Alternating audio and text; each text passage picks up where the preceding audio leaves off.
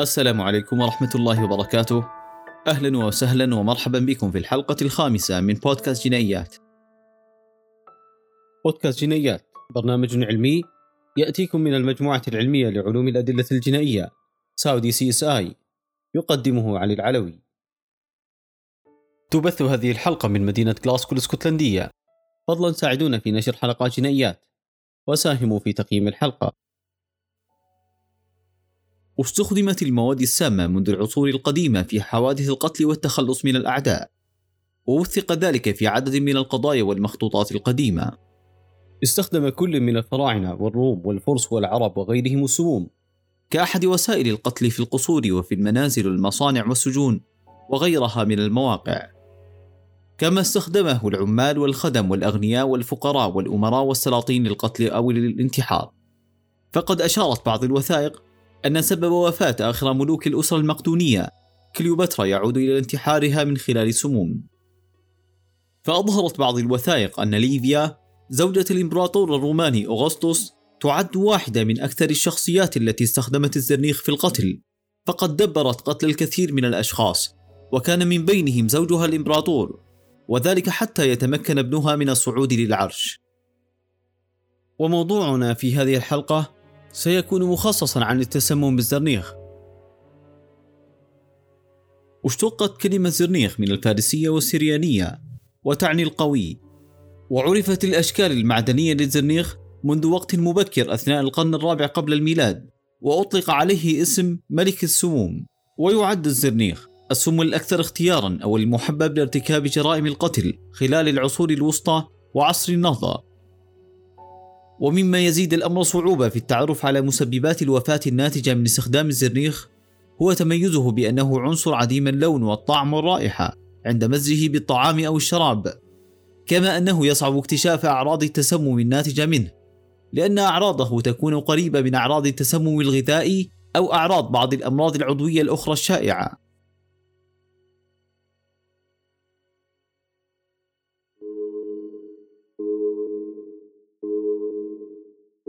قصة البداية.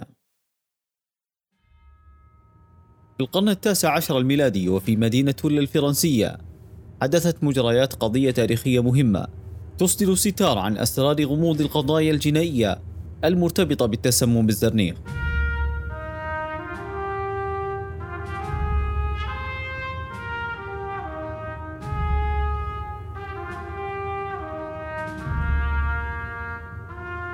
توفي العقيد كابل وكان له ابنة تدعى ماري ولم تتجاوز الثانية عشر من عمرها. العقيد كابل هو أحد ضباط القائد العسكري نابليون بونابرت المقربين وواحدا من ضمن الطبقة الراقية الفرنسية.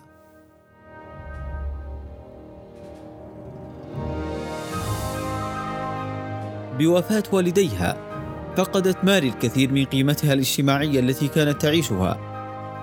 وتولى أمرها أحد أقاربها.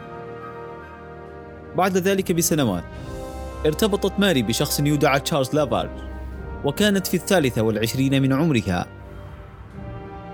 وبعد الزواج تبين لها أنها خدعت بالحالة الاقتصادية لتشارلز وخصوصا حين انتقالهم لمسكن تشارلز الريفي مع أسرته. منزل متهالك قديم يملأه الفئران والحشرات ويحتاج إلى كثير من الإصلاحات. ولم تكن ابدا سعيدة بذلك. بعد ذلك بأشهر قليلة ذهب تشارلز في رحلة عمل إلى باريس وكان مخططا لها أن تستغرق بضعة أيام في شهر ديسمبر من عام 1839 ميلادي.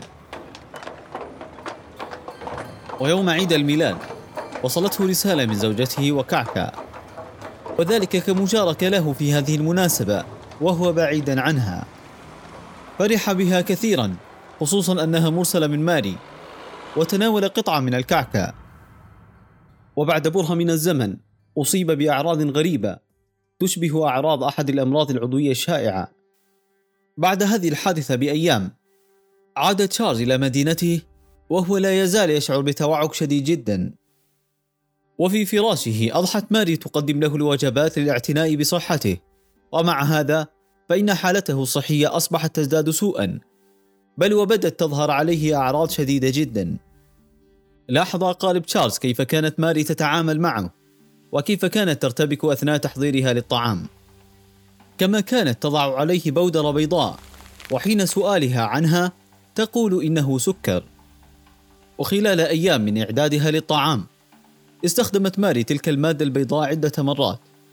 كما أنها كانت تحتفظ بها في صندوقها الخاص. مما أثار شك إحدى قريبات تشارلز وتدعى آنا والتي كانت تراقب ماري عن قرب خاصة مع استخدام ماري لتلك المادة والأعراض الذي بدأت في الظهور على حالة تشارلز. مما جعل آنا تحتفظ ببقايا الأكل وبعض الأواني المستخدمة في تحضير الطعام. في الثالث عشر من شهر يناير من عام 1840 ميلادي توفي تشارلز لافارج بعد انهيار تام في حالته الصحية. قبل الحادثة تشارلز كان لا يشكو من شيء.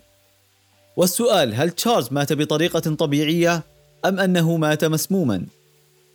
اشتبه أقارب تشارلز بأنه مات مقتولا من أثر التسمم وأن ماري كان لها دورا وراء التدهور الكبير في صحة تشارلز وقاموا بإبلاغ السلطات بذلك. وخلال التحقيقات تم اكتشاف أن ماري أرسلت البستاني لشراء سما خاصا بمكافحة الفئران وأقرت بذلك. وتم تحديد وقت شراء سم الفئران وتبين أن ذلك كان قبل صناعة ماري للكعكة. وبعد الاشتباه بماري أمرت السلطات بجمع بقايا الطعام والأواني وطلب أيضا تشريح جثة تشارلز وذلك للتأكد من سبب الوفاة. أثناء تلك الفترة شاعت طريقة للكشف عن التسمم الناتج باستخدام الزرنيخ بفحص يدعى مارش ومن المعروف ذاك الزمان أن الزرنيخ هو أحد المكونات القاتلة الموجودة ضمن مكونات سم الفئران. ونتيجة لما سبق طلبت الجهات العدلية تحليل العينات باستخدام فحص مارش. من أجل التأكد من مدى وجود الزرنيخ في أنسجة تشارلز والأواني التي تم استخدامها لتحضير الطعام ومقتنيات ماري. في بادئ الأمر أثبتت الفحوصات خلو العينات من عنصر الزرنيخ. ولكن تبين فيما بعد أن المختصين أجروا الفحص بطريقة خاطئة.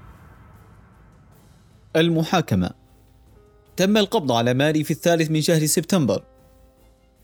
وفي هذه القضية ولأول مرة تم استدعاء الدكتور ماثيو أورفيلا عالم السموم الشهير والذي يعد واحدا من أشهر الخبراء الذين يقومون باختبار مارش عند الكشف عن السموم المعدنية.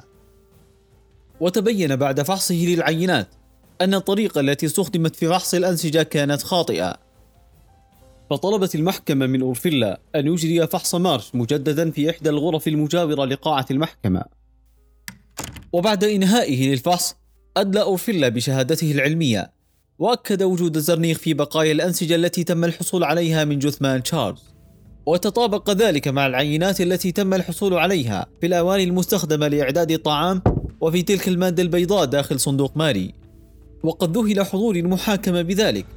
وحكمت المحكمة في النهاية على ماري لافارج بالسجن المؤبد مع الأشغال الشاقة. أتاحت هذه الحادثة فرصة عظيمة للعلماء والخبراء في إمكانية الكشف عن أسباب الوفيات الناجمة من استخدام الزرنيخ والذي طال كثيرا من الملوك والأمراء والنبلاء والتجار وغيرهم. وسرعان ما أصبح لدى العامة وعيا باختبار مارش الخاص بالكشف عن السموم المعدنية. الفحص الذي سبب في تقلص أعداد القضايا المرتبطة بالتسمم بالزرنيخ. ومضات علمية عن التسمم بالزرنيخ.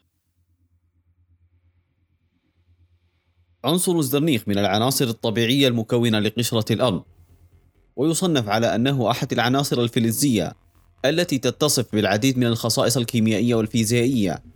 فهو عديم الرائحة والمذاق في الحالة غير العضوية مثل ثالث أكسيد الزرنيخ ويمكن أن يتواجد على شكل بودرة بيضاء قابلة للذوبان في الماء تعد المنتجات المحتوية على عنصر الزرنيخ بأنها مواد شديدة السمية في شكلها غير العضوي ينتج من التعرض طويل المدى للكميات الضئيلة من الزرنيخ إلى الإصابة بالسرطان وأمراض القلب وكذلك قد يؤدي للوفاة. عند التعرض للزرنيخ غير العضوي يعمل الجسم على إزالة السموم وذلك بإضافة مجموعة الميثيل الأحادي والثنائي. وذلك لكي يتم التخلص منه من خلال ذوبانه في البول. وبالتالي يمكن خروجه من الجسم. يستهدف الزرنيخ الإنزيمات ويعمل على تثبيط عملها عن طريق ارتباطه بمجموعة السلف هيدريل. وهذا بدوره يؤدي إلى تثبيط المسارات الأيضية المتعلقة بإنتاج الطاقة. وحسب عدد من الدراسات يقوم الزرنيخ بتعطيل ما يصل إلى 200 إنزيم. خاصة المتعلقة بمسارات الطاقة الخلوية وتخليق وإصلاح الحمض النووي. يستغرق معدل زمن بقاء الزرنيخ أو نصف العمر للزرنيخ ال half life في الجسم 48 ساعة. يعتبر الزرنيخ العضوي الموجود في الأسماك والمحار والأعشاب البحرية غير سام بشكل أساسي للإنسان. في عام 1836 طور الكيميائي الإسكتلندي جيمس مارش اختبارا كيميائيا ناجحا للكشف عن التسمم بالزرنيخ. وللمزيد من المعلومات حول فحص مارش تجدونه في وصف الحلقة. في وقتنا الحاضر يوجد عدة طرق حديثة ذات دقة عالية تستطيع الكشف عن العناصر الثقيلة المستخدمة في التسمم في القضايا الجنائية مثل جهاز الامتصاص الذري Atomic Absorption وجهاز ال ICP المقترن بمطياف الكتلة وجهاز ال X-ray diffractometry وال XRF spectrometry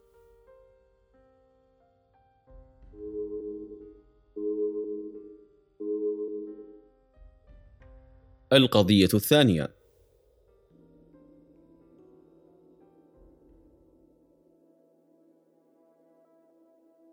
في صباح يوم الاثنين الثاني عشر من شهر أبريل من عام 2014 عثر على أرشد نديم متوفى على سريره بمدينة غلاسكو الإسكتلندية. أرشد بريطاني من أصول باكستانية. وأمر المدعي العام بإحالة جثمانه للطب الشرعي لإجراء التشريح والتحقق من سبب الوفاة. كان أرشد يبلغ من العمر خمسين عاما عند وفاته ولم يكن له أي تاريخ مرضي سابق. زار المملكة العربية السعودية وأقام فيها ثلاثة أشهر ثم انتقل بعد ذلك إلى موطنه الأصلي باكستان ومكث فيها لمدة. وبدأ يشعر بتوعك عام وفقدان للشهية والوزن وقي وإسهال مستمر وآلام في البطن وذلك قبل وفاته بأسابيع. اعتقد بعض أقاربه أنه تعرض للتسمم من جراء وجبة غذائية فذهبوا به إلى المستشفى وتم تشخيص الحالة بأنها عدوى بكتيرية في المعدة. استمر توعكه ولم تتحسن حالته. وبعد عودته إلى المملكة المتحدة بثلاث أيام توفي أرشد. قام الطبيب الشرعي بإجراء التشريح لجثمانه وبعد حصوله على العينات اللازمة لفحص السموم والعناصر الثقيلة مثل الزرنيخ والثاليوم والرصاص والزئبق. من خلال جمع عينات الدم والبول والكبد والشعر للكشف عن السموم. وتم تحليل العينات المأخوذة باستخدام جهاز MS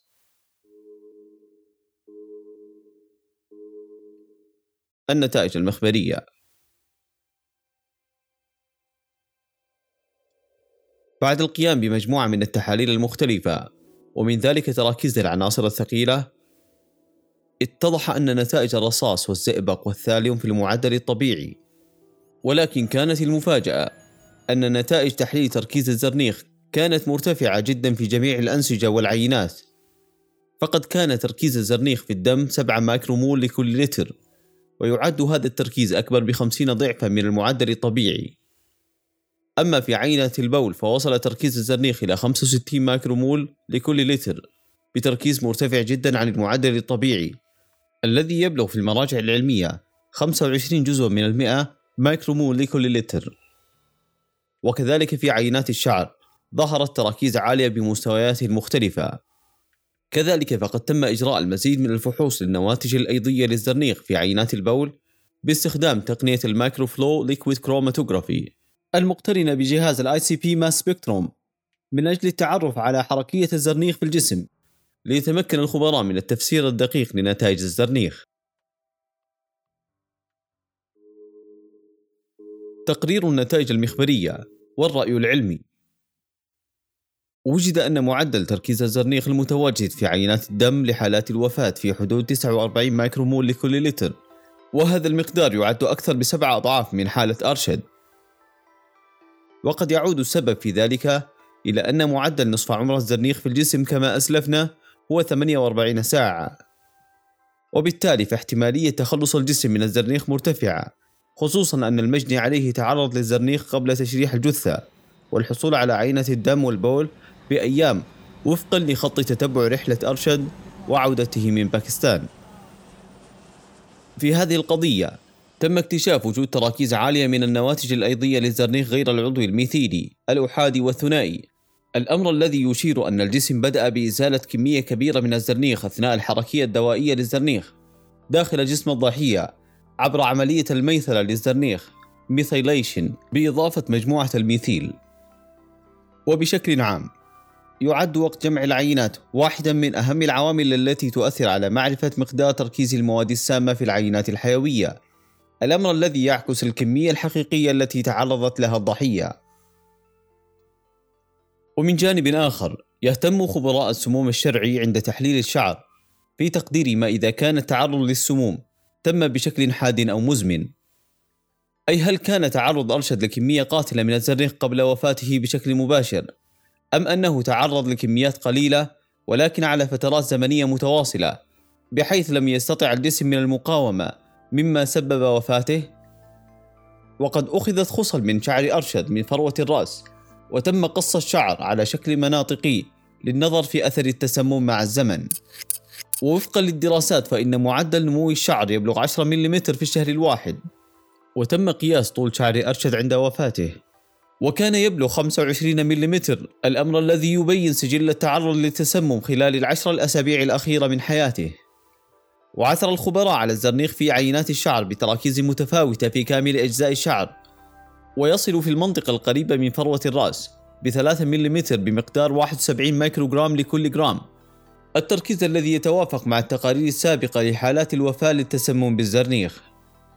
إن وجود تراكيز عالية للزرنيخ في شعر الضحية يشير إلى أن أرشد تعرض للتسمم طوال الأسابيع العشر الأخيرة قبل وفاته على أقل تقدير. وهذا يتوافق مع المدة الزمنية التي بدأت تظهر الأعراض فيها على أرشد. ولسوء الحظ فإن طول شعر الضحية لم يمكن من التعرف على المدة الحقيقية التي بدأ يتعرض فيها أرشد للزرنيخ. أي لو أن طول شعر الضحية أكبر لأعطى مؤشرا هاما للمدة التي تعرض لها أرشد للزرنيخ. كما وجد أن تراكيز الزرنيخ في الأنسجة والعينات الأخرى أظهرت توافقا مع حالات التسمم المميتة. والتي استخدم فيها الزرنيخ كما ورد في التقارير السابقة. كان أرشد رجل أعمال. ولم تكن طبيعة عمله تتطلب أن يكون له تعامل مع الزرنيخ سواء في مجال مهني أو في مجال البحث العلمي والمختبرات العلمية أو المصانع ولم يكن يتناول أي عقاقير تحوي عنصر الزرنيخ. قضى الضحية وقتا في باكستان وفقا لمنظمة الصحة العالمية. فإن باكستان تعد من أكثر المناطق التي تعاني من تراكيز مرتفعة من الزرنيخ في مياه الآبار الجوفية مقارنة بكثير من الدول. ووضعت المنظمة أن التسمم بالزرنيخ في مياه الآبار يعد واحدة من ضمن أكثر المخاطر التي تهدد الصحة العامة. وتوصلت التحقيقات أن ما تعرض له أرشد بدأ منذ بضع أسابيع قبل وفاته وذلك بعد ظهور الأعراض. وذلك بعد زيارته إلى موطنه الأصلي باكستان. المكان الذي يسهل فيه الحصول على الزرنيخ واستخدامه كمبيد للقوارض بالإضافة إلى وجوده ضمن مياه الآبار الجوفية. ورجح الخبراء أن أرشد تعرض للتسمم في رحلته وأن سبب وفاته حصلت نتيجة التسمم المتعمد بالزرنيخ. وتم استبعاد احتمالية الانتحار باستخدام الزرنيخ. لذا فقد أصبح تنظيم استخدام الزرنيخ كمكون ضمن مكونات مبيدات القوارض خطر قاتل في جميع الدول. وهذا يستوجب الاستعاضة بمبيدات لا تؤثر على الصحة العامة. كذلك يجب الابتعاد عن استخدام مياه الآبار الملوثة بالزرنيخ واستبدالها بمصادر أخرى. من أجل تجنيب الأفراد وحمايتهم من التعرض للأضرار الصحية كالسرطان وغيره.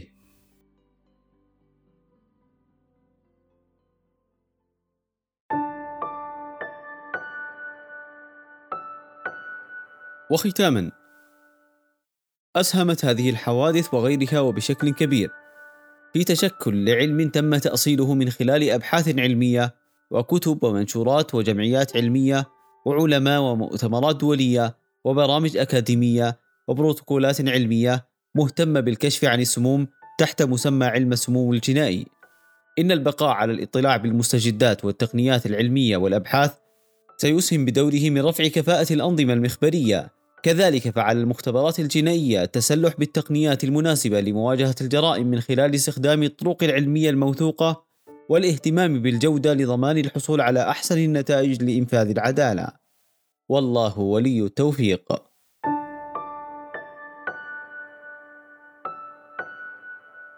أعد الحلقة ورجعها الأستاذ دكتور عبد الرحمن الضباح، دكتور سلطان الجابر، ومقدمكم علي العلوي. تجدون روابط متنوعة مرتبطة بموضوعنا في وصف الحلقة. أشكركم على استماعكم لهذه الحلقة، وإن وجدتم أنها حلقة تستحق النشر، فضلا ساعدونا على نشرها. تابعونا على حسابات المجموعة على وسائل التواصل الاجتماعي، وتفضلوا بزيارة موقعنا الإلكتروني saudicci.com والسلام عليكم ورحمة الله وبركاته